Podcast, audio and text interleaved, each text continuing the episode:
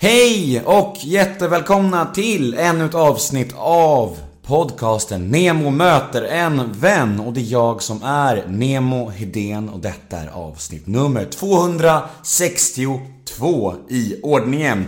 Och veckans gäst är ingen mindre än komikern och skådisen Henrik Hjält. Och dagens avsnitt är ett gratis avsnitt tillgängligt för alla. Men innan vi dunkar igång den här festen så vill jag slå ett slag för livepodden som stundar. Nu börjar det verkligen närma sig, det är bara några veckor kvar. Den 7 december på Bonden bar i Stockholm så smäller det. Det är en lördag och vi drar igång klockan 19.00. Det blir jag, Sissela Kyle, Torkel Pettersson och Allan Svensson och jag vågar utlova en sjudundrande fest. De här livepoddarna brukar bli höjdpunkter i mitt liv, ärligt talat. Det är väldigt, väldigt kul och alla som närvarar brukar vara väldigt nöjda. Och just den här line-upen är jag otroligt stolt över. Jag tror att både Torkel, Sissla och Allan kommer att göra sig otroligt bra live. Vill ni komma på livepodden så gå in på biletto.se och biljetterna kostar endast 150 kronor. Ja, ni hör ju själva. Detta är den billigaste livepodden hittills. Och varför är det då så billigt? Jo, för att jag vill göra det här för er helt enkelt. De här kvällarna är roliga och jag tycker alla förtjänar att komma oavsett plånbok. Så gå in på biletto.se och sök på mitt namn eller poddens namn så hoppas jag att vi ses på Bonden bar lördagen den 7 december klockan 19.00. Men dagens avsnitt då? Henrik Hjält. Mm, han är ju en sån där person som alla känner igen när man ser honom och när man hör hans röst. Han är ju känd från Parlamentet, Time Out, eh, Playa del Sol och mycket därtill. Och en människa med otroligt fin energi. Man blev glad av att träffa Henrik och jag tror att det kommer nå ut till er också. Eller, ja, jag... Eh, det känns så i alla fall. Dagens avsnitt klipps av produktionsbolaget LL Experience AB som bland annat producerar Göteborgspodden. Så om ni behöver en duktig podcastproducent slash klippare, gå då in på www.llexperience.se eller mejla kontakt snabela llexperience.se. Tack LL Experience för ett gott samarbete. Och om ni vill mig någonting, ja, då finns jag ju precis som ni vet på gmail.com eller på Instagram. Det heter kort och gott Nemo Hedén. Men nu ska jag sluta babbla, nu drar vi igång det här tycker jag. Plats på scen för Henrik Hjält i Nemo möter en vän avsnitt nummer 262. Rulla gingen. Nemo är en kändis, den största som vi har. Nu ska han snacka med en kändis och göra någon glad. Ja! Nemo, ja det är Nemo. Nemo möter en vän. Nemo möter en vän med Henrik Hjält. Hej! Hej! Nu drar vi igång den här festen. Det gör vi. Ja. Och jag har fått finkaffe av dig. Ja, vi har ju inte smakat ännu. Så att, eh, men eh, de sa det, så att det... Ja. Jag tyckte ändå det var fint förtroende jag fick. Eh, Du hämtade mig vid tunnelbanan och jag hoppade in i din bil och du hoppade ut och in på ett café och jag tänkte bara så här. Han släpper mig här. Han har aldrig träffat mig och jag sitter ensam i hans bil. Tänk om jag bara drar. Jag utgår från att människan är god. Fint ju! Ja. ja men det är bra. Ehm, välkommen till min lilla podcast. Fast egentligen så kanske du borde säga välkommen till mig. Ja, vi är ju på mitt kontor. Ish. Så välkommen. Tack! vad, vad, vad gör du här? Eh, Jag och ett par kompisar eh, har varit inne i branschen, men sen kom vi fram till att det är jättekul att vara bakom. Så vi producerar, det vi har ett produktionsbolag. Ett litet. Och du är alltså här då 9 to 5? Alltså när du inte gör andra grejer då eller? Ja. Ja, här precis. Eh, Och leker och sen så eh, gör man annat på kvällar och... Ja, det är ju sån jävla blandning. Man håller på med så mycket olika grejer. Du, innan vi ehm, satte på mikrofonerna här så, så pratade vi lite om den här balansgången mellan personlig och privat och hur offentligheten har förändrats senaste, senaste, ja vad ska man säga? Hur länge sen tillbaka är det som... Alltså det är väl inte så länge egentligen. Jag, jag, vi kan väl backa 10-15 då kanske. Så har det ju hänt något. Det här med podd, för det blir väldigt spännande. Eh, För du pratade om att du tycker så mycket om att prata med, med människor. Eh, och då kanske kända människor som eh, har för vana, de flesta tror jag i alla fall, att försöka sätta en gräns på sitt privatliv och sen säga det här är den offentliga delen där jag kan vara personlig. Och, så, och liksom förhoppningsvis ganska intressant. Men utan att få berätta om mitt liv och sådär. Uh, för då om man backar så var det ju så att uh, Jag kommer ihåg när man fick barn och sådär. Och då var ju inte en massa poddar igång och alla sådana där sociala medier och sånt där. Min äldsta är 17. Uh, eh, och, så då, och då var det skvallerpress och annat. Och då var det så lätt, för jag hade redan tidigt i min karriär liksom signalerat att jag är privat och sen så den offentliga delen av mig, den kan vi prata om. Men när det gäller barn eller du vet, de vill göra sådana här hemma hos-reportage. Och jag bara, nej nej, den, det gör vi inte. Av den enkla anledningen att det är så lätt att sätta gränser tycker jag i början. Och för börjar du sudda där så vet man inte hur ska jag förhålla mig. I alla fall tyckte jag det. Men eh, sen har det ju förändrats. Och det är så kul nu, för nu känns det lite som att vi alla befinner oss i eh, lite av ett kaos, skulle jag vilja säga. Därför att man ska göra podd och eh, det är inte bara liksom en kvart, 20 minuter där man kan hålla sig personlig. Utan man måste börja liksom öppna upp sig. Och eh, det är lite lurigt för mig kan jag säga. För jag vet inte om folk egentligen är intresserade. Men det kanske de är. På något sätt så säger det mig att man, en, en offentlig människa, okej, det är jättekul, jag ser honom i olika sammanhang eller sådär. Men det betyder ju inte att jag vill veta hur den personen fungerar och bor. Eller något sånt där. Men känner du att du nu måste förändras också eftersom offentligheten har förändrats? Alltså, väljer du att, att eh, bli mera transparent och öppen om ditt privatliv eftersom att det, liksom, det, det är den riktningen det går åt? Eller är du fortfarande lika sträng med vad som är vad?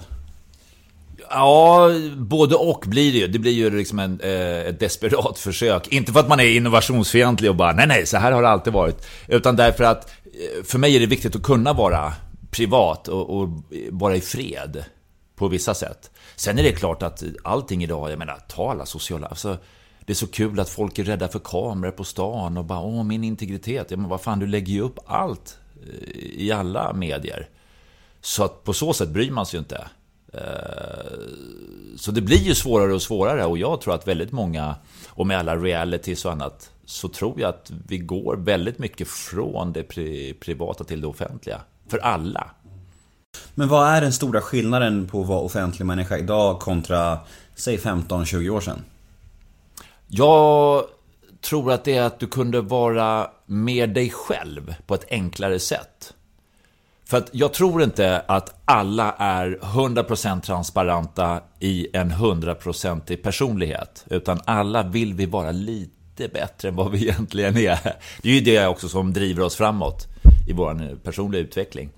Eh, Så att eh, ibland är det bara skönt att bara få softa runt i mjukisbrallor och inte göra sig till på något sätt. För i, i alla möten blir det väl lite... Ja, men lite som när man träffar någon. Man gör sig till, man påfåglar sig och försöker göra sig lite bättre. I personliga relationer när man träffar någon man tycker om. Eh, om du söker ett jobb så bara wow, du skryter att du är så jäkla bra. Och arbetsgivaren som ska anställa dig skryter om att vi växer och det här ska du jobba på det här. Så alla gör sig till och även i sociala medier. Men jag tror också att vi alla behöver en liten pysventil. Eh, med att få vara oss själva. Våga vara det. Mm. Får jag fråga en fråga om dina barn, sen lämnar vi det därhän.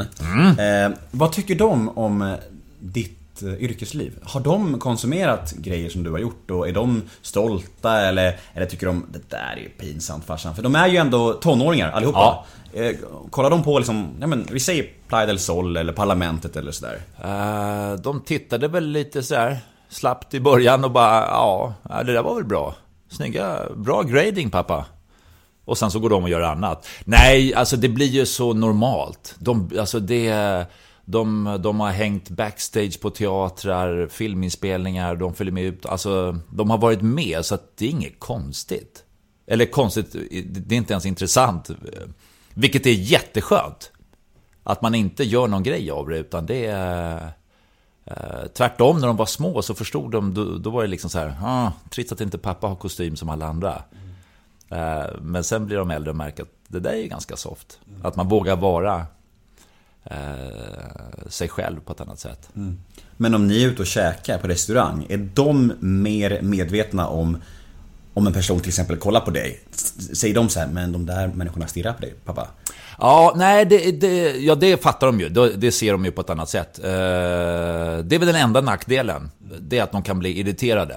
För när de väl får vara ute med mig, så vill de att vi ska vara. Och så kommer folk fram och stör och, och där. Och då så säger de, förstår de inte att du är ju ledig nu? Så mm. då blir de lite...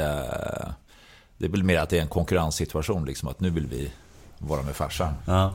Du, eh, vi är i mitten på november 2019. Ja. Vad händer just exakt nu i ditt liv? Uh, just nu uh, så är det parlamentet tuffar ju på, har gått nu under hösten och går på höstarna. Uh, mycket stand-up har det blivit. och jag håller på att ta fram en, testkör en liten föreläsningsföreställning. Mm. Ute och testkör den lite. Under radarn sitter jag och säger i, i en podd som går ut till hur många som helst. Nej men det är, och sen är det nya produktioner på gång in och så att Just nu är det så här mellanperiod på ett par veckor där jag inte har en produktion, laddar inför nya och där det liksom bara rör sig. Så just nu är det, precis som vi var inne på, vi är på kontoret. Här är, försöker jag vara så här normal 9-5 människa. Men sen på kvällarna så drar man runt som en vägråtta i, och kör massa gig. Mm. Men kör du så här eh, gratisklubbar, Big Ben och så här då, eller, eller kör du bara lite finare gig som Norra Brunn och... Alltså, nej, man kör... Uh, nej, tvärtom. Eller jag nu, eh, jag har kört i två år. Uh, stand-up. Uh, och nu vågar, eller vågar jag ju säga att jag kör stand-up på riktigt och är på bra klubbar. I början så gjorde jag inte det. Av den enkla anledningen att jag tycker att man ska ha respekt för vad folk gör.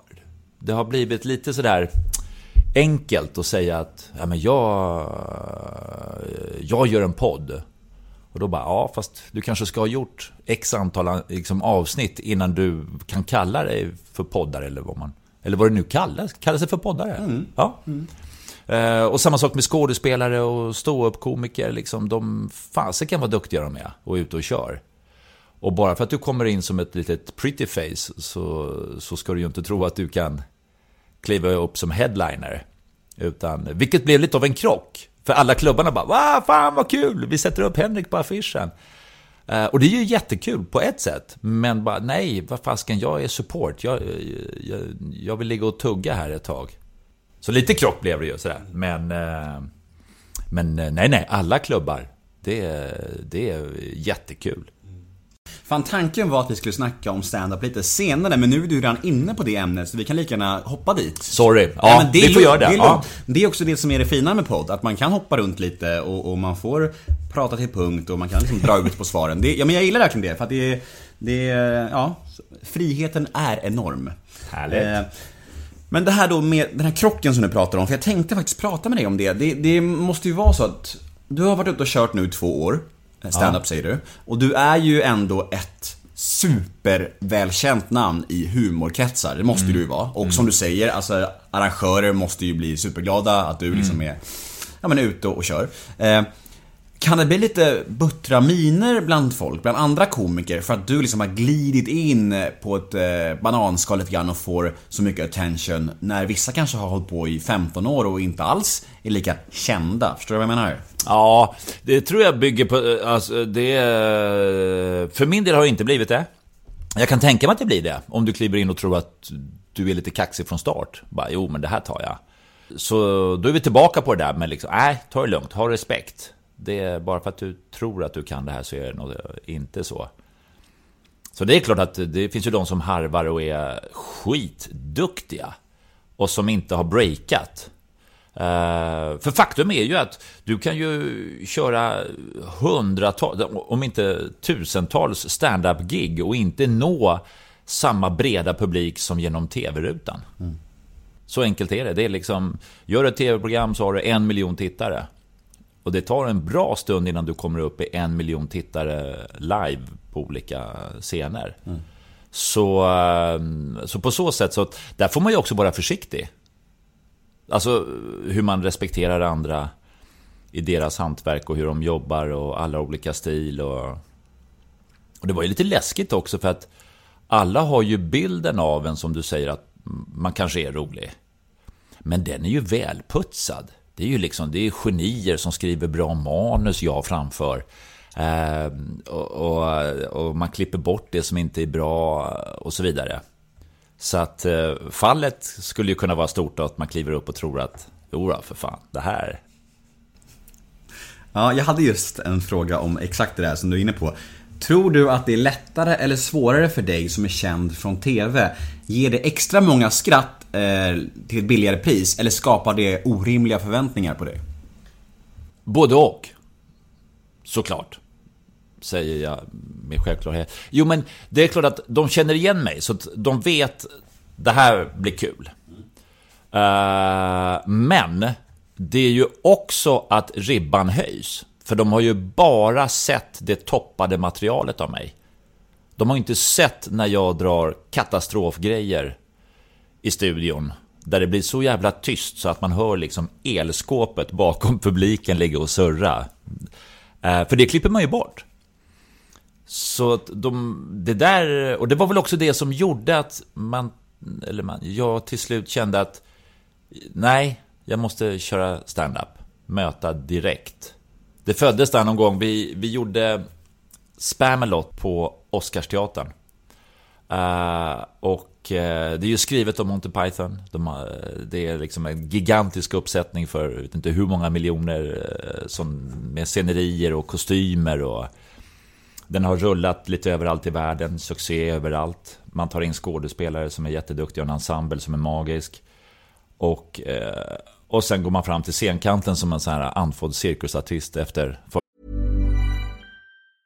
Hey, I'm Ryan Reynolds. Recently, I asked Mint Mobile's legal team if big wireless companies are allowed to raise prices due to inflation. They said yes. And then when I asked if raising prices technically violates those onerous two-year contracts, they said, "What the f*** are you talking about? You insane Hollywood ass." So to recap, we're cutting the price of Mint Unlimited from $30 a month to just $15 a month. Give it a try at mintmobile.com slash switch. $45 up front for three months plus taxes and fees. Promoting for new customers for limited time. Unlimited more than 40 gigabytes per month. Slows. Full terms at mintmobile.com. Föreställningen och bara tack, tack. Men då kände jag liksom vid ett tillfälle att man tittar på, du vet, bredvid sig har man Henrik Dorsin, Johan Gland, alltså du vet.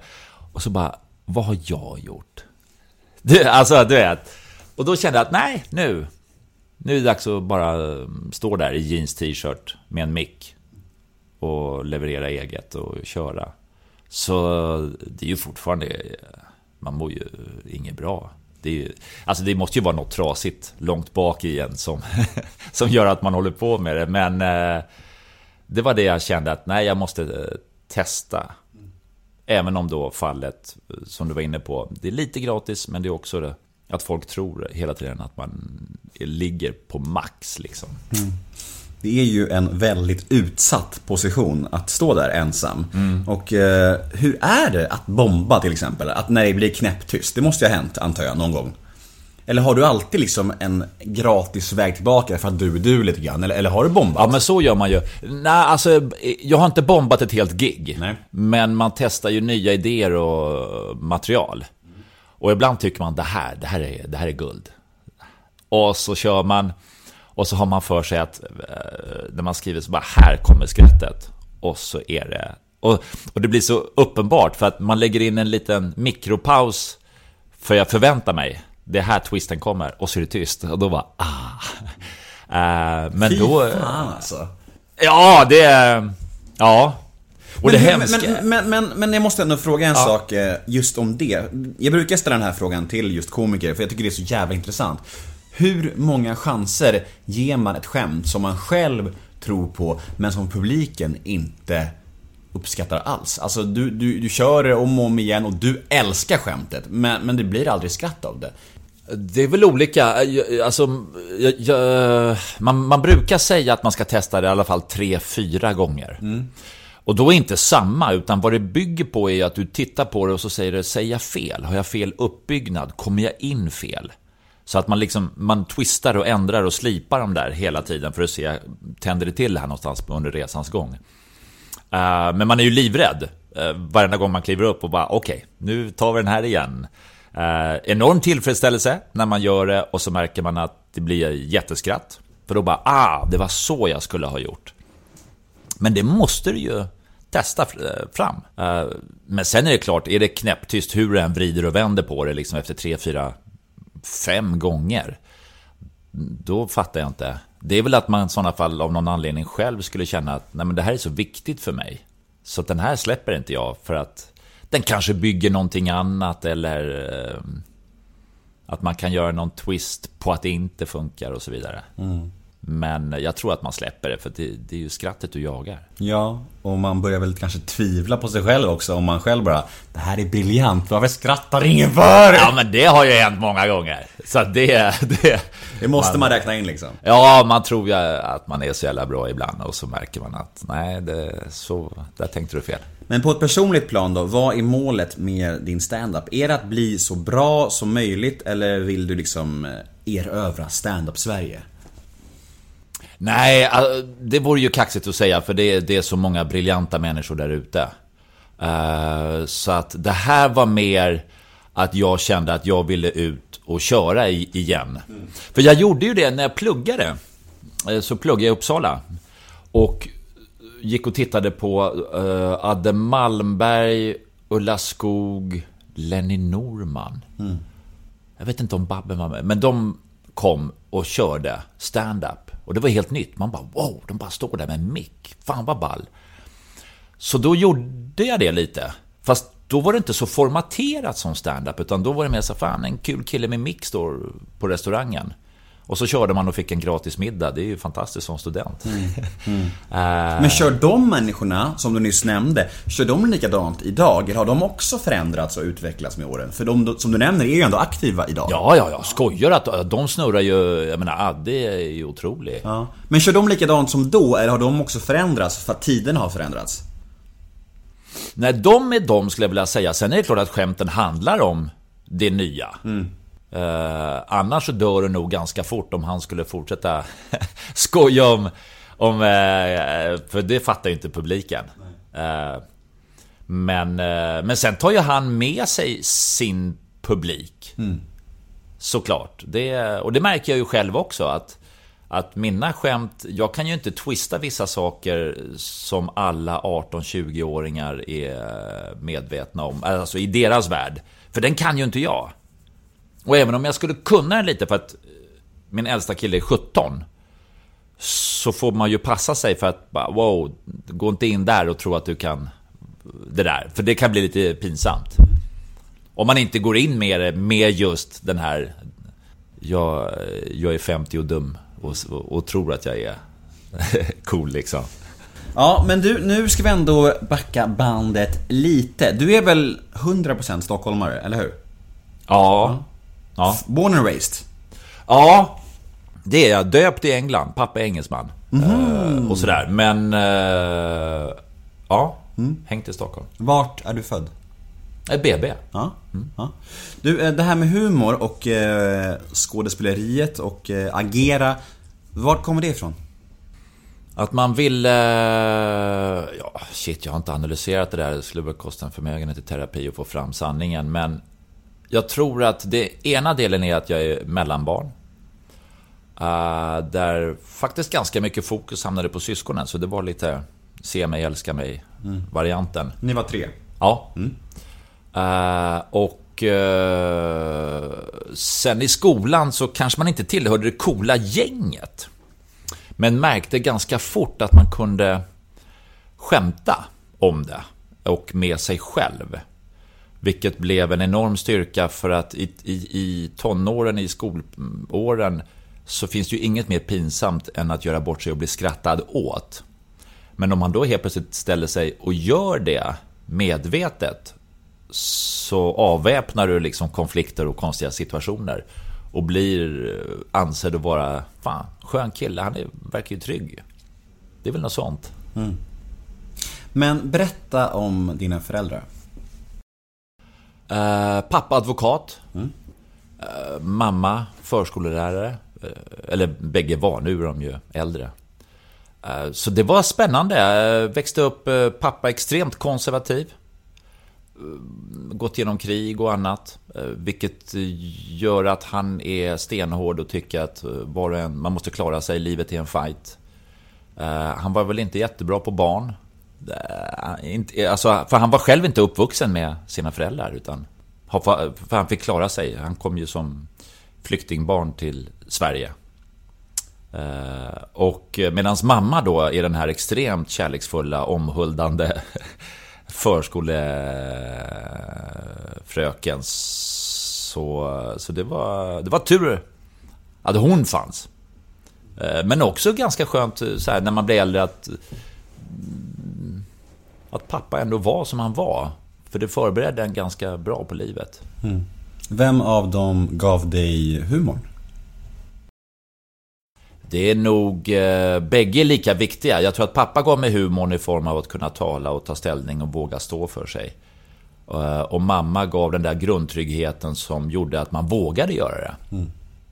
Att man visste att vad som än händer så, så finns mamma där. Eh, så att eh, de är nog bägge lika viktiga. Det låter ju som att han var den drivande för att få in dig i militären. Ja, det kan man tro. Ja. Men, eh, ja det var han väl, även om han själv inte har gjort lumpen. Han fick ju inte göra den i och med att han inte var svensk medborgare. Eh, men absolut, det var ju, han tyckte ju väl att det var bra. Och sen gjorde ju alla det. det nu sitter det säkert många lyssnare och bara, va? Men eh, på den tiden gjorde alla lumpen. När slutade det vara obligatoriskt? Oj, det var väl, eh, kan det ha varit, fyra, fem år sedan? Eller längre kanske. Så att, eh, men nu är det ju tillbaka att du kan göra den om du vill och sådär. Men, men då gjorde man det, så, då, så det var liksom en självklarhet. Sen kan du ju antingen försöka komma undan eller göra den så enkelt som möjligt eller så gör den ordentligt. Och då valde jag att nej, men jag ska göra den ordentligt och sen gick jag vidare och blev reservofficer. Men det är nog sant. Det är nog, eh, det tyckte ju pappa var jättebra. Du sa tidigare att det skulle krävas 100 timmar terapi för att ta reda på varför du sökte dig till humorn och sådär. Ja. Jag blir så nyfiken på det där för att det känns ju som att det finns liksom olika drivkrafter i just yrket. Jag, jag kommer ihåg att jag intervjuade Messiah Hallberg för ganska länge sedan och han sa att han eh, blev ståuppkomiker för att han tyckte att alla andra att det var så låg nivå att han kände att han kunde göra det bättre. Medan andra säger att de, att de blir liksom komiker för att eh, de var klassens clown eller, eller sådär. Som, lite som det du är inne på. Vad har varit dina drivkrafter? Uh, men det är nog en blandning, men en stor del var att först så blev jag ju, var jag inne i det militära. Och sen efter det så valde jag att eh, studera i Uppsala. Och så blev jag färdig jurist. En välutbildad ung man. Ja, verkligen. Och eh, fram till den punkten så var ju allting kanon. Sett utifrån ett, eh, ett, eh, klassiskt konservativt perspektiv. Åh, vad bra. Det är ju reservofficer och jurist. Pappa och var in så på- stolt! In och bli advokat bara. Men jag tror att det också var lite att i, som militär har du ingen status, eller det är inte statusen, men du, du får bara jobba när det blir stökigt. Bara, oj, oj, oj, nu händer något, då släpper vi loss pitbull. Och samma sak med jurist, att bara, det är ju inte heller att du får vara med eh, och ha roligt, utan mm, man ringer advokaten när det är strul. Så att på något sätt så bara, äh, vad fan ska jag, jag orkar inte springa runt och bara ta hand om problem hela tiden. Nu ska jag skapa dem, tänkte jag. Nej, men jag- du vet att man ska ha kul. Så jag blev kriminell. Ja, De här åren har jag aldrig berättat om. Som jag har lyckats med det. Jag är vapenvan och kan juridiken. Nej, men eh, så det, det tror jag var viktigt att få folk att må bra istället för att...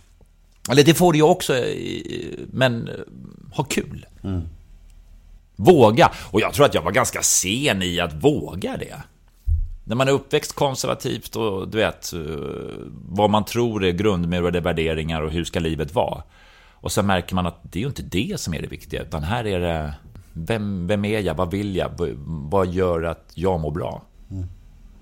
Och det är det som är det konstiga, för att det, det är ju då man märker att man verkligen gör det man älskar. För om man kör någonting och det kanske inte går så bra, man gör en föreställning som inte blir en succé, man drar skämt och bombar och ändå fortsätter, så visar ju det på något sätt att ja, men, det, här är ju, det här är ju jag, det här gillar jag att göra, även om det tar emot.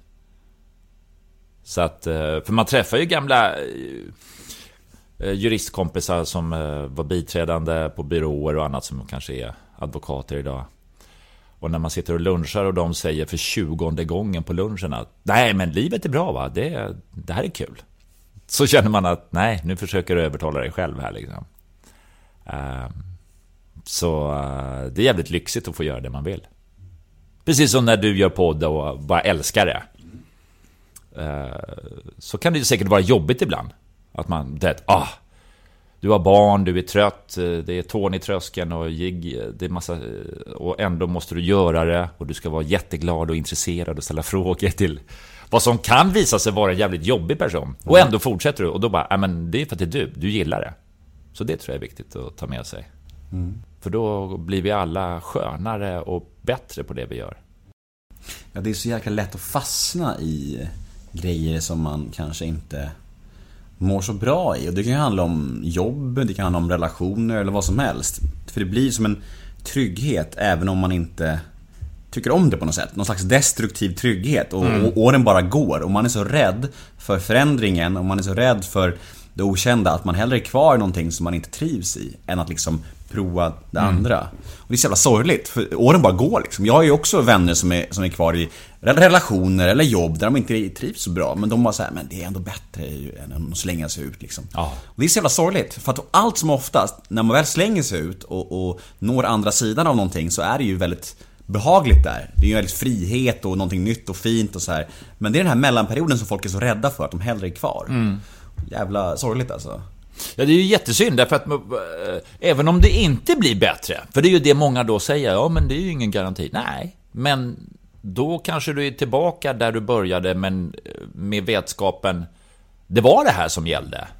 Och då får jag försökt i alla fall. Ja, det, var liksom, det ska man vara jävligt stolt över. Absolut. Du, vi ska snacka lite om vändpunkter. Har du några sekvenser i livet där du känner att allt bara förändrades? Milstolpar, typ? Ja, en är ju när, man, när, jag eh, precis eh, bytte lite bransch. Jag hade börjat köra med ett eh, humorgäng som hette Humorator i Uppsala när jag pluggade.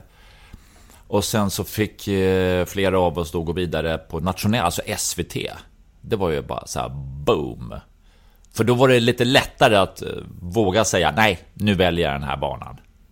Eh, så, att, eh, så det var viktigt att det blev en produktion. Den hette Detta har hänt. Så att...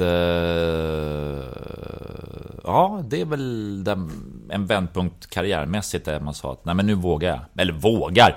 Det, vad fasiken, man gick ju från... Alltså, ska, hade man klivit in som färdig jurist, som biträdande på, på advokatbyrå så var det ju mycket jobb och så här. Men i jämförelse med vad man tjänade som längst ner på skalan i media så var det ju nollor bakom siffrorna som försvann. Men... Eh, Gans, ganska stor kontrast ändå. Ja, det var jättesvårt. För fasken, antingen så glider man runt som en jävla stekare nere på Stureplan med, med bra med pengar och, och liksom status i den världen. Eller så bara, nej men eh, jag eh, harvar runt med andrahandsboenden i vänstervarv och liksom får li- livnära mig på 2,8 i månaden. Men må bra. Ja, och då är vi återigen där, eh, vågskålen liksom. Ja, och den är inte alltid så jäkla lätt därför att när man lämnade alla... Det akademiska gänget sa liksom, är du dum i huvudet? Du har ju investerat massor av år och liksom i det här. Och går till någonting som är extremt osäkert. Och man gjorde ju en sån där akademisk analys där man liksom tittade så här, okej, okay, skådisbranschen i Sverige. Sju av tio går någon gång varje år på typ A-kassa, var det då. Och jag bara, kanon, där ska vi in. det, eh, och samtidigt när man kom till den branschen så hade ju alla gått scenskola och saker och bara, men vem tror du att du är? Som kommer in här från, eh, liksom, från eh, kanten och ska vara med. Så man var lite i något ingenmansland under en period där det var jävligt ensamt och ganska tungt. Där man ville visa sig. För man ville visa den nya, den, den nya branschen att jag duger, jag kan, jag, jag vill vara med. Men också bakåt till det gamla gänget och säga Titta, jag, jag är inte dum i huvudet, jag lyckas ju.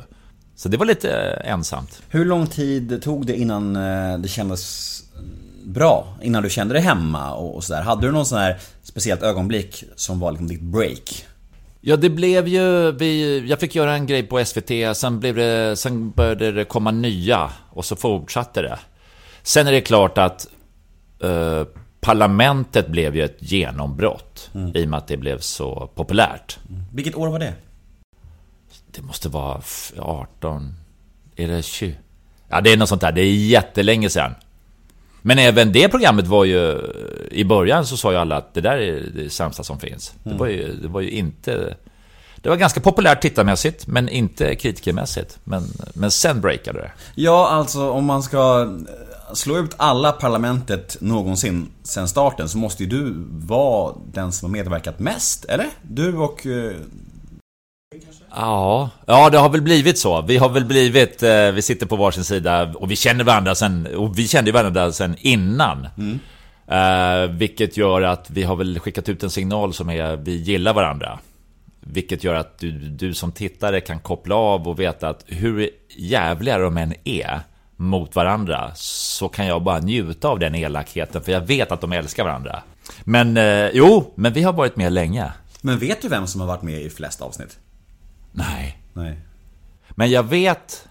Vem som får bäst betalt? Sen om det... Ja, det vet jag. För det står i mitt avtal. Ja, det är inte jag. Nej, men äh, att... Äh, jag vet bra. inte om... Du får inte bäst betalt. Ja, det... Skriv på här. det, det, nej men det är lite kul att, eh, jag vet inte om, om det är någonting att skryta med, men jag bestämde mig för att, för jag var med säsong ett. Vilket var jättenervöst när man satt med storheter som Helge Alltså du vet, massa duktiga människor och bara shit, ska jag sitta och säga dumheter mm. mot dem? Men... Lika nervös som det är för de nya att sitta med dig idag, antar jag? Ja, ja förmodligen. Mm. Det är... Och sen hoppas man att man ändå är sådär skön och öppen. Så att de vågar. Så att, eh, för det är ju jätteviktigt. För det var väl inte alltid där kanske den äldre generationen ovanför, ovanför mig bra på. Utan ibland var det bara, mm, de tryckte till lite. Mm -hmm. Man fick inte vara för bra och sådär. Nu blir man ju supernyfiken. Eh, upplevde du det som att det var svårt att komma in i gänget? Som, typ, typ? Nej, men alltså Pia och Helge Skog och ett stort gäng var ju fantastiska. Och sen behöver man inte nämna vid namn, men det fanns ju de som eh, definitivt satte gränser och tyckte att nu eh, sitter du jävligt lugnt i båten liksom. Hierarki? Ja, något så in i helskotta. Och man satt ju innan. Man vet ju inte vad andra laget ska säga och sådär. Men, eh, men då eh, hade man ju kanske någon på sitt lag som eh, man satt och gick igenom med och bara, jag tänkte köra det här spåret. Och sen går man in i studion, kameran börjar rulla och så kör han det istället. Och man bara, där tog du den ja. Du vet. Och sen, ja så det är fascinerande med människor. Hur de helt oförblommerat bara, jag kör. Men ja. Det finns en gammal vad ska man säga, skröna eller rykte om han, vad heter han komikern som är från Halmstad? Alltså Wahlbeck? Ja, precis. Ja. Det finns ett, ett rykte, eller en historia kring honom om att han satt i Norra Brunnköket med någon ny. Eh, och så skulle den, så skulle den nya, den nya var jättenervös och skulle upp på scenen efter Wahlbeck. Och då, berättade, då, gick, då gick han igenom hela sitt material med Wahlbeck för att han ville säga, men är det här okej att köra? Och då körde Wahlbeck allt det innan den här unga snubben gick upp då. Och sen på han honom. Ja, och han hade ingenting då kvar såklart. Jag är Nej. inte hundra på att det var just Wahlbeck, men den här historien har jag hört och, och det är ju fan, det är så, det, det, är så, det är så hemskt att man bara såhär, alltså jag, jag bara ryser när jag hör det. Jag har faktiskt aldrig giggat med eh, Wahlbeck. Eh, Om du gör det, berätta inte ditt material i köket innan. Nej, jag ska inte göra det. Jag kommer att jobba med honom. Eh, om ett par veckor ska jag göra det. Eh, Brasklapp, han är väl jag är inte hundra på att det var han, det är det. Men, men Jo då, jag, jag tycker vi bestämmer det. Ja, det var- det var han.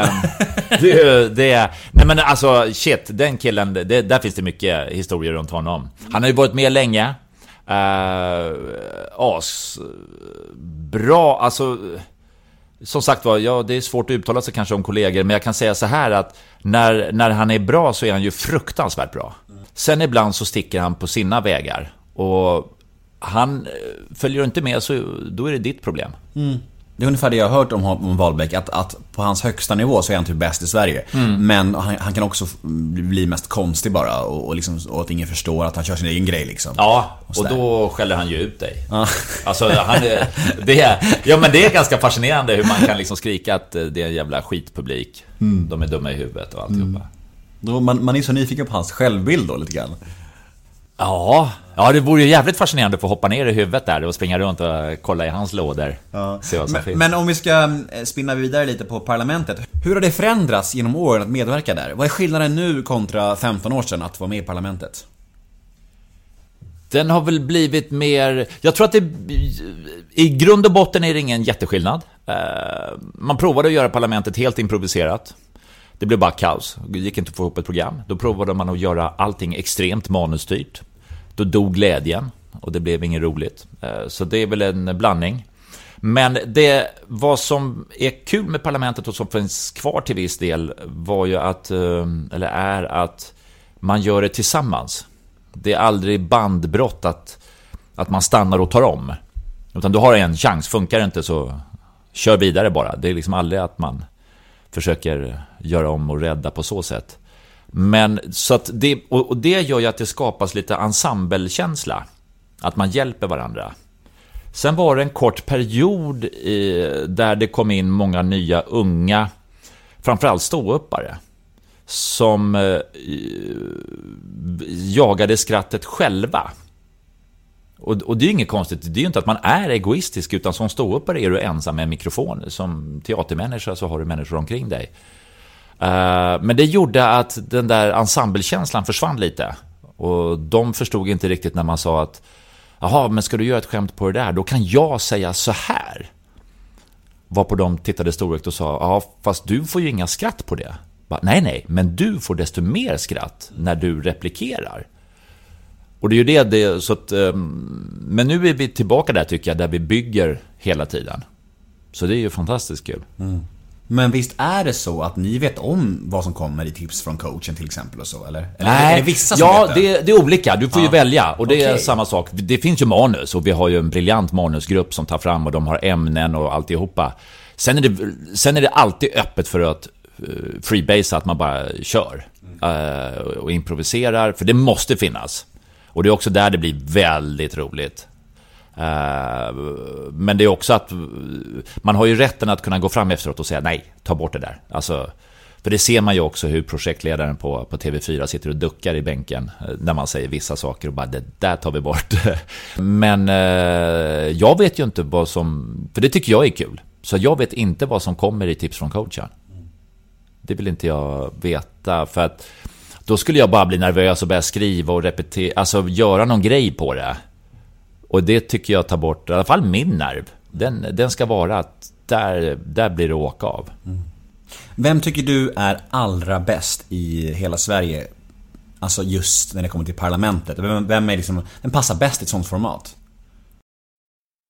Ah, Ja, nu låter man ju gammal. Det, eh, Helge Skog var ju så jävla bra av den enkla anledningen att han hade så jäkla mycket att ta av.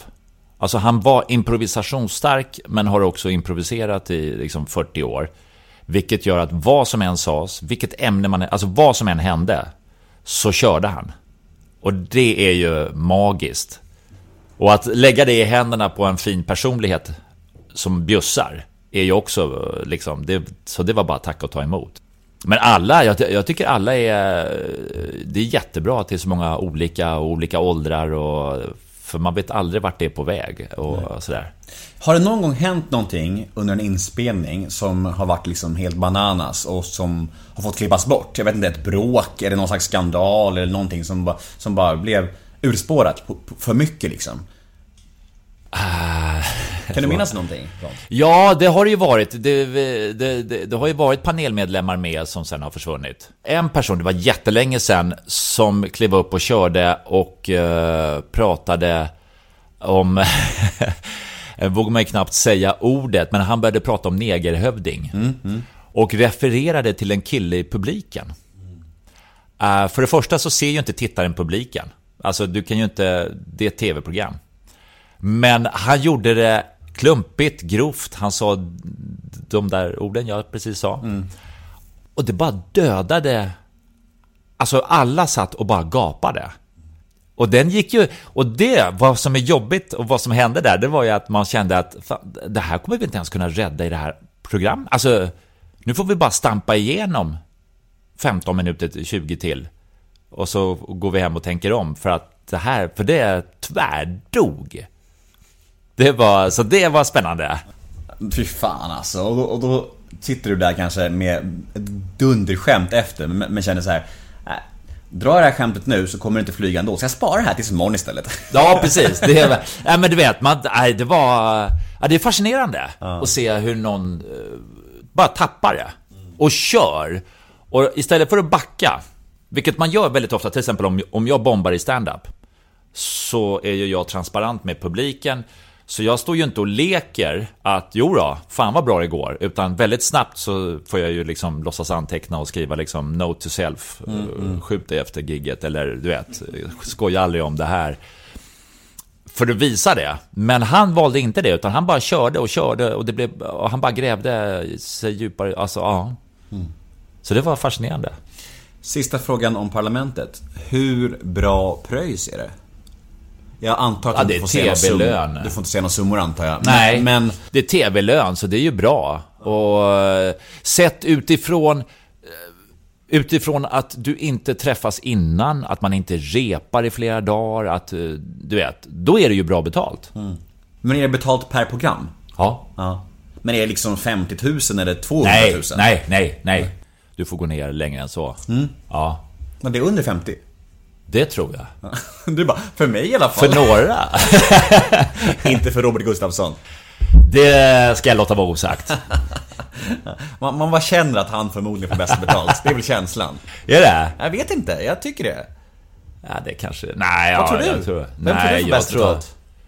Nej men det, det, det är klart att han är, ju, han är ju känd och har varit med mycket men du, det finns ju många som är äldre än vad man själv är och som har varit med länge och sådär. Så att... Mm. Men det är väl olika avtal för alla va? Antar jag. Jag tror det. Det, det, det, det är ju alltid lite känsligt att prata om sånt. Då Jag kommer det där förstår sven, det. svenska fram. Jag märker det på dig. Jo men sen är det så svårt för produktionen och kanalen säger det här får du inte prata om. Mm. Alltså, så att då blir man så här: okej, du vet, vad är hemligheten egentligen? Ja. För det är ju inte jättemycket som skiljer. Nej. Alltså det är ju inte att någon får 200 000 och någon får 10 000 och att det blir känsligt, utan jag tror att alla ligger ganska nära. Du, eh, nu ska vi prata om Playa del Sol. Okej? Ja, eh, som eh, jag har följt alla tre säsonger. Ja. Jag var väldigt kär i programmet när det kom. Visst är det är väl 12 år sedan va? 2007, eller hur? Kom första ja. Ja, precis. Jag var väldigt, väldigt förtjust i, i det och tyckte det... Ja, men jag, jag minns det väldigt väl och, och, och köpte till och med boxarna som jag, som jag har hemma. Nu är inte de framme längre, det är väldigt få Alltså. DVD-boxar som står framme nu för tiden, men jag har dem hemma. Du har dem? Det har jag Ja. faktiskt. Ja. Jag vill bara eh, lägga till det så du Ja, vet det. bra. Eh, Skönt. 2007, SVT. Ja. 2,3 miljoner premiären. Ja. Ja. Vilken succé. Ja, tittarmässigt var det ju shebang. Mm. Eh, Var det en väntad succé? För 2,3 miljoner är mycket folk Nej, alltså. det Eller var var det det en, en överraskning för alla er? Det var en överraskning. Och lika mycket som du säger att eh, programmet var bra, säger det en hel del kanske också om hur tv-branschen såg ut då. Att det inte fanns jättemycket annat. Mm. Men det är ju bara om man spolar tillbaka ännu mer så bara Gäster med gester, 5 miljoner tittare. Ja. men förstår vad jag menar? Hur svårt är det då? Ju- Det fanns liksom ingen... Det, det, Noll konkurrens. inte ens mobiltelefonen fanns. Det var sladd på luren och det fanns två kanaler och bara fan vad bra vi var. Så att det säger ju en del. Men sen är det klart att... eh, Man ska inte ta ifrån Playa del Sol. Nej, det ska man absolut inte göra. För den, det, det kom någonting där. Och sen så kom ju... När vi spelade in säsong två på Playa så spelade man ju in första avsnitten på Solsidan. Så då kom det här med att ja, men vi kan göra en uh, sitcom-serie, alltså en driven, karaktärsdriven. Som inte var jättevanligt då. Så att, Men berätta om uppkomsten till, till Playa del Sol och idén och, och, och så här, hur du hamnade i det och så här. Eh, Det var faktiskt eh, Peter Settman, eh, hade ett produktionsbolag som heter Baluba. Han ringde. Eh, Vi kände inte varandra. Men han ringde och sa så här, Fan, du verkar asskön. Vi måste ses. Och jag tänkte att det ska vi göra. Eh, Så vi eh, träffades eh, på Gondolen och käkade lunch som blev två, tre, fyra timmar och sen var vi kvar och drinkade och, och sen blev det... Peter bjöd. Uh, ja, Ja, fan skojar du? Den sucke mannen, han får ta det. Nej men sen, och sen for- fortsatte vi, för vi hade så himla kul. Vi pratade om allt och bara liksom klickade. Vi måste hitta på något, det här är jättekul. Så han hade ingen idé när han ringde dig. Han ville liksom bara bonda. Ja, ja, ja. Det, för han gjorde ju massa grejer med Baluba. Som var ett litet busigt bolag som gjorde massa roliga grejer sen också. Eh, så att, eh, men sen så åkte vi ut i skärgården. Och spånade. Och, eh, för han ville göra, han hade gjort mycket så här humorprogram, sketcher och sånt där. Men inte en serie. Så han ville liksom, ja men jag ska, vi, vi, det vill jag göra. En komedi. Partaj typ va? Ja, Partaj och Pja- jag kommer inte ihåg vad alla de där hette med... Med... Ja, det det? Nej. Ja, jag vet inte. Nej. Partaj i alla fall. Ja. Ja. mm, det, det är stuket liksom. Ja. Så då eh, hade de grejer. Och eh, så vi åkte ut och han ville göra en serie och då tyckte jag kanon. Då gör jag huvudrollen och det ska vara någonstans varmt. För det är inget roligt i i Sverige just nu. Det var kallt. Så att... Så jag har eh, två villkor, Ja. Peter. Jag ska vara huvudroll och det ska vara någonstans varmt. Ja. Sign me up, liksom. Jag är med. Nej men, och då hade han ju en, ski, liksom en grov skiss att det här skulle vi kunna göra. Och sen så uh, spånades det och sen sprang han tillbaka och jobbade fram det. Han har ju en enorm arbetskapacitet den mannen. Så, att, så, det, så så kom den till. Och sen åkte vi iväg och gjorde det. Ja. Vet du hur de andra kom med i bilden? För du säger att du kände Tornving sen innan. Ja, Tornving var också med och du vet, och bara, ja men det är kanon, det är liksom Tornving och... eh, han var också med där ute i skärgården. Var han med på var- gondolen? Nej, Nej. Han blev inbjuden efter gondolen. precis. Ja. Det... Var det du som sa? Jag har en polare som eh, är rolig. Jag ringer Tornving. Uh, nej, jag tror att det var Peter som kände att fasken, det här är ett skönt par. För vi var ju antagonister i Playa liksom. Du vet, han, vi gillar ju inte... Eller jag, jag försökte ju få honom att gilla mig och han var som han var. Och för att det ska lira så tyckte Peter att om vi tar er två, då har vi redan vunnit en del av relationen.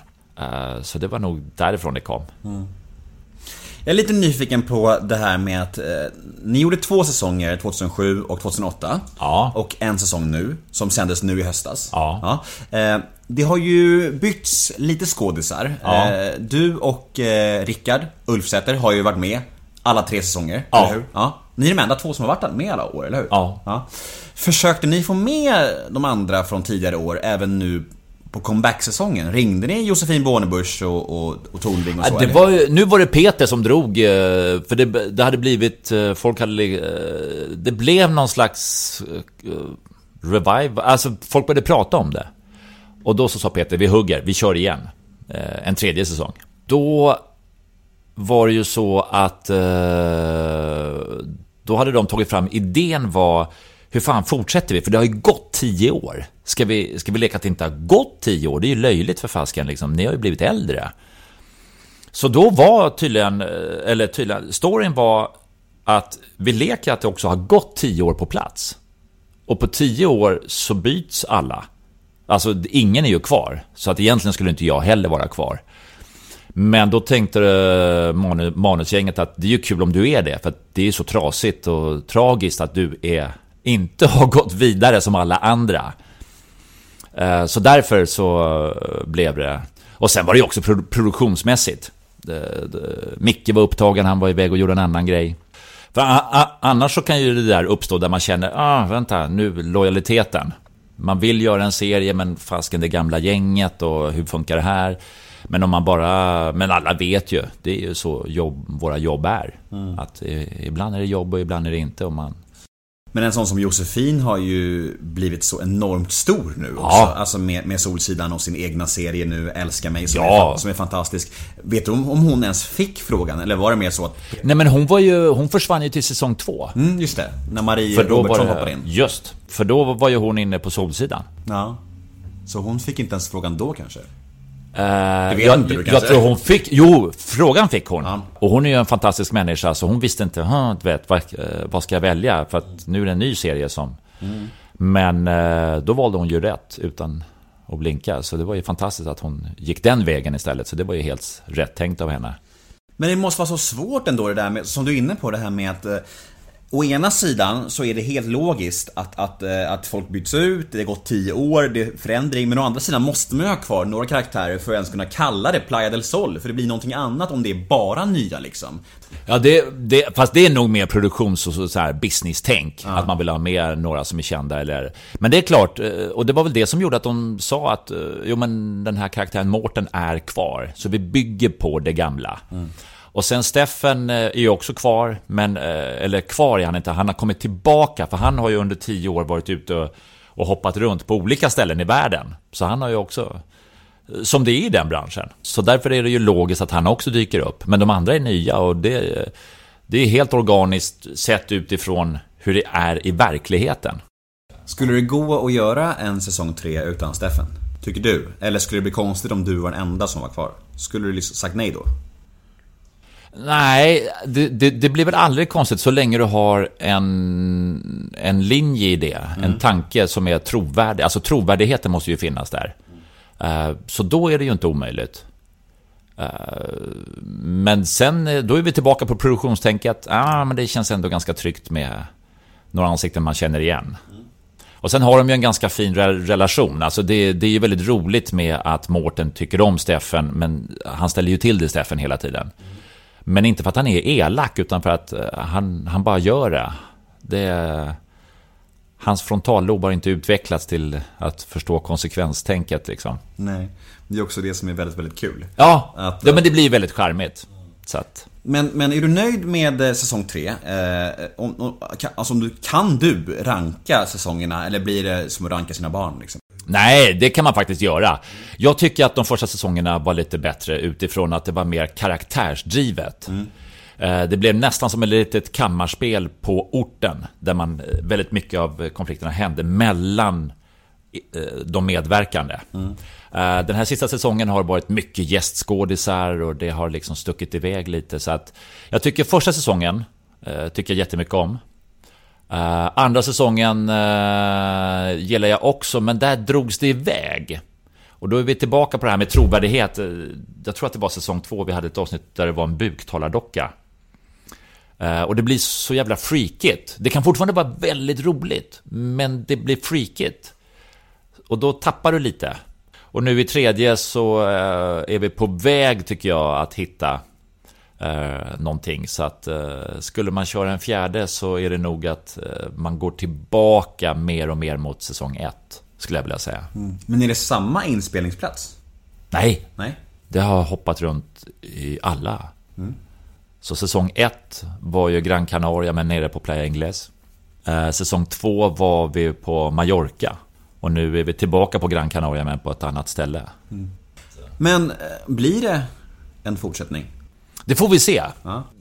Om allting stämmer. Om man kan gå tillbaka och vi hittar varandra i produktionen och tv-kanalen. Så att vi alla har samma tanke. Så kan man göra det. För eh, det vill jag. Tjatar du med Tornving också? Det, vi, ja, vi, vi får ju se, det är mycket möjligt att han dyker upp. För att det, det är också helt naturligt. Han kanske kommer tillbaka, han har varit någonstans, gjort någonting annat. Och sen poppar det upp. Att, Nu ska vi köra lite snabbfrågor, är du med? yes! Vad missbrukar du? Eh, snus? Roligast i Sverige? Shit, det... Och det är inte för att vara så, så jävla snäll och duktig. Eh, eh, Johan Glans. Vad kommer du aldrig förstå dig på att andra människor tycker om? Att se andras olycka för att därigenom vinna sin egen framgång. Vilken egenskap hos dig själv föraktar du mest? Att jag inte alltid finns där och ställer upp för andra. Vad lägger du mest pengar på? Min familj. Vad tror du andra tänker på när de tänker på dig? Förhoppningsvis eh, humor och glädje. Vad bra. Och så innan vi signar ut för idag så ska vi damma av några lyssnarmail också. Mail nummer ett lyder så här. Berätta om din relation med Mikael Tornving. Man får ju känslan av att ni är nära vänner. Är ni det? Umgås ni privat? Det gör vi. Uh, sen är det ju alltså inte att man hänger som ler och långhalm hela tiden. Men vi hittade varandra under studieperioden. Han är en gammal officer. Jag är det. Eh, vi hittade varandra i den nya branschen i form av att vi såg det som ett jobb. Rätt tid, plats, utrustning, gör jobbet. Eh, det kan hända att du har en dålig dag. Det skiter tittaren i. Eh, tro inte att du är så jävla fin att du ska få liksom... Så att, och där hittade vi varandra och, kunde, och vi märkte att var och en var så jävla öppen och varm och skön så att man kunde skämta om allt. Vissa har så här, nej det där är en no-no. Men vi kände bara, nej men här kan vi åka. Så vi har jättekul, och även privat. Det, så är det en människa jag kan ringa och ta upp precis vad som helst med. Det är lyxigt. Fint. Mail nummer två. Berätta om din medverkan i Ladies Night från 2008. Hur kändes det att få vara med i ett sånt sammanhang? Hade ett sånt koncept funkat idag? Förmodligen inte va? Det var ju absurt att få vara med. Det var ju jättekonstigt. Eh, därför att alla såg det inte som den leken det var. Det är liksom en lek att några står på scen och leker att de är hunky dory och publiken leker att de är med på noterna. Och så sitter ett annat gäng och tycker att det där är ju jättekonstigt. Men man ska ju veta det att de flesta blir ju upphämtade av sina pojkvänner eller män. Och, alltså, för det var ju bara kvinnor som gick, eh, eller fick gå. Eh, Medan det är jätteskönt för dem att bara få parta. Utan att det kommer fram någon stökig lirare och eh, ska hålla på. Men det var ju abs- på arenor. Jag fattar inte, men vilken grej det var. Så det var ju jättekul att åka runt.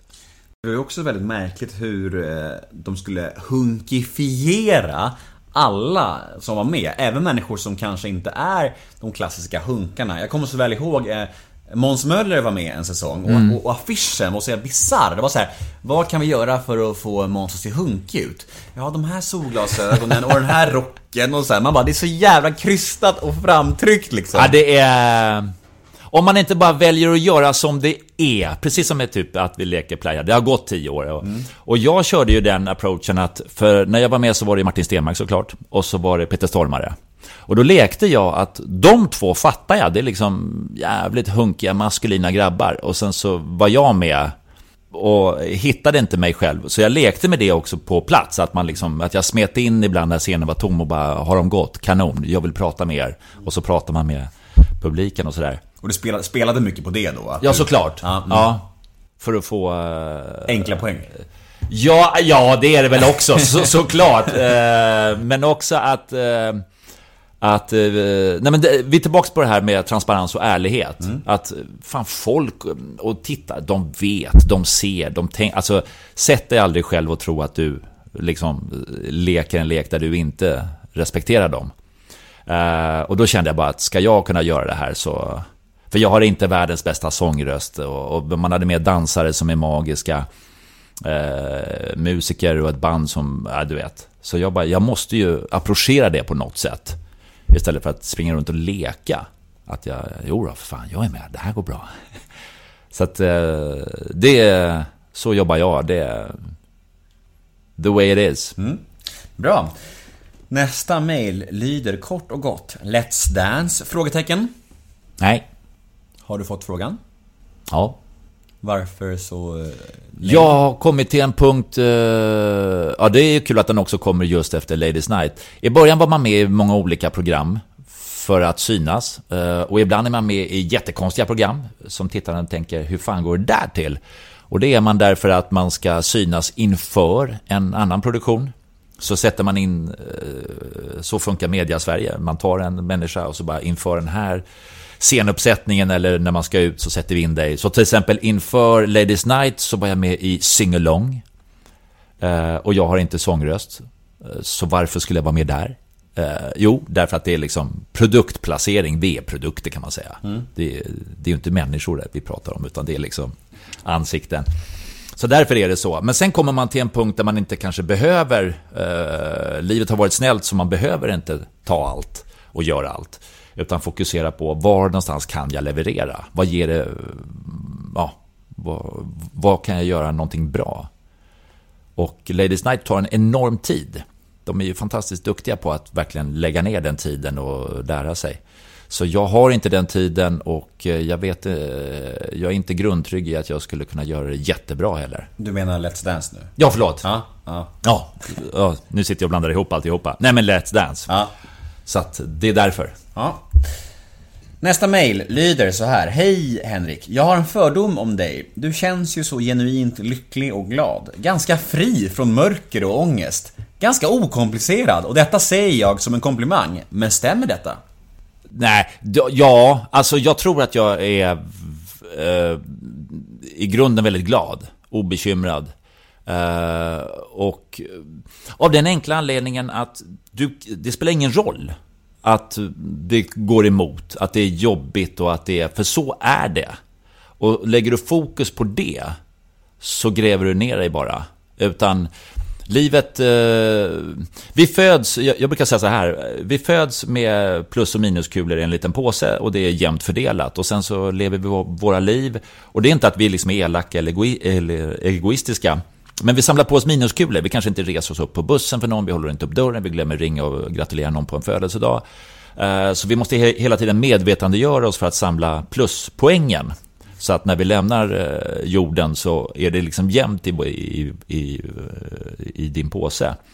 Så jag försöker hela tiden vara det. Sen är det klart att det finns ju eh, mörker och ångest, såklart. Eh, för det gör det. När blir det alldeles mörkt? När mår du som sämst?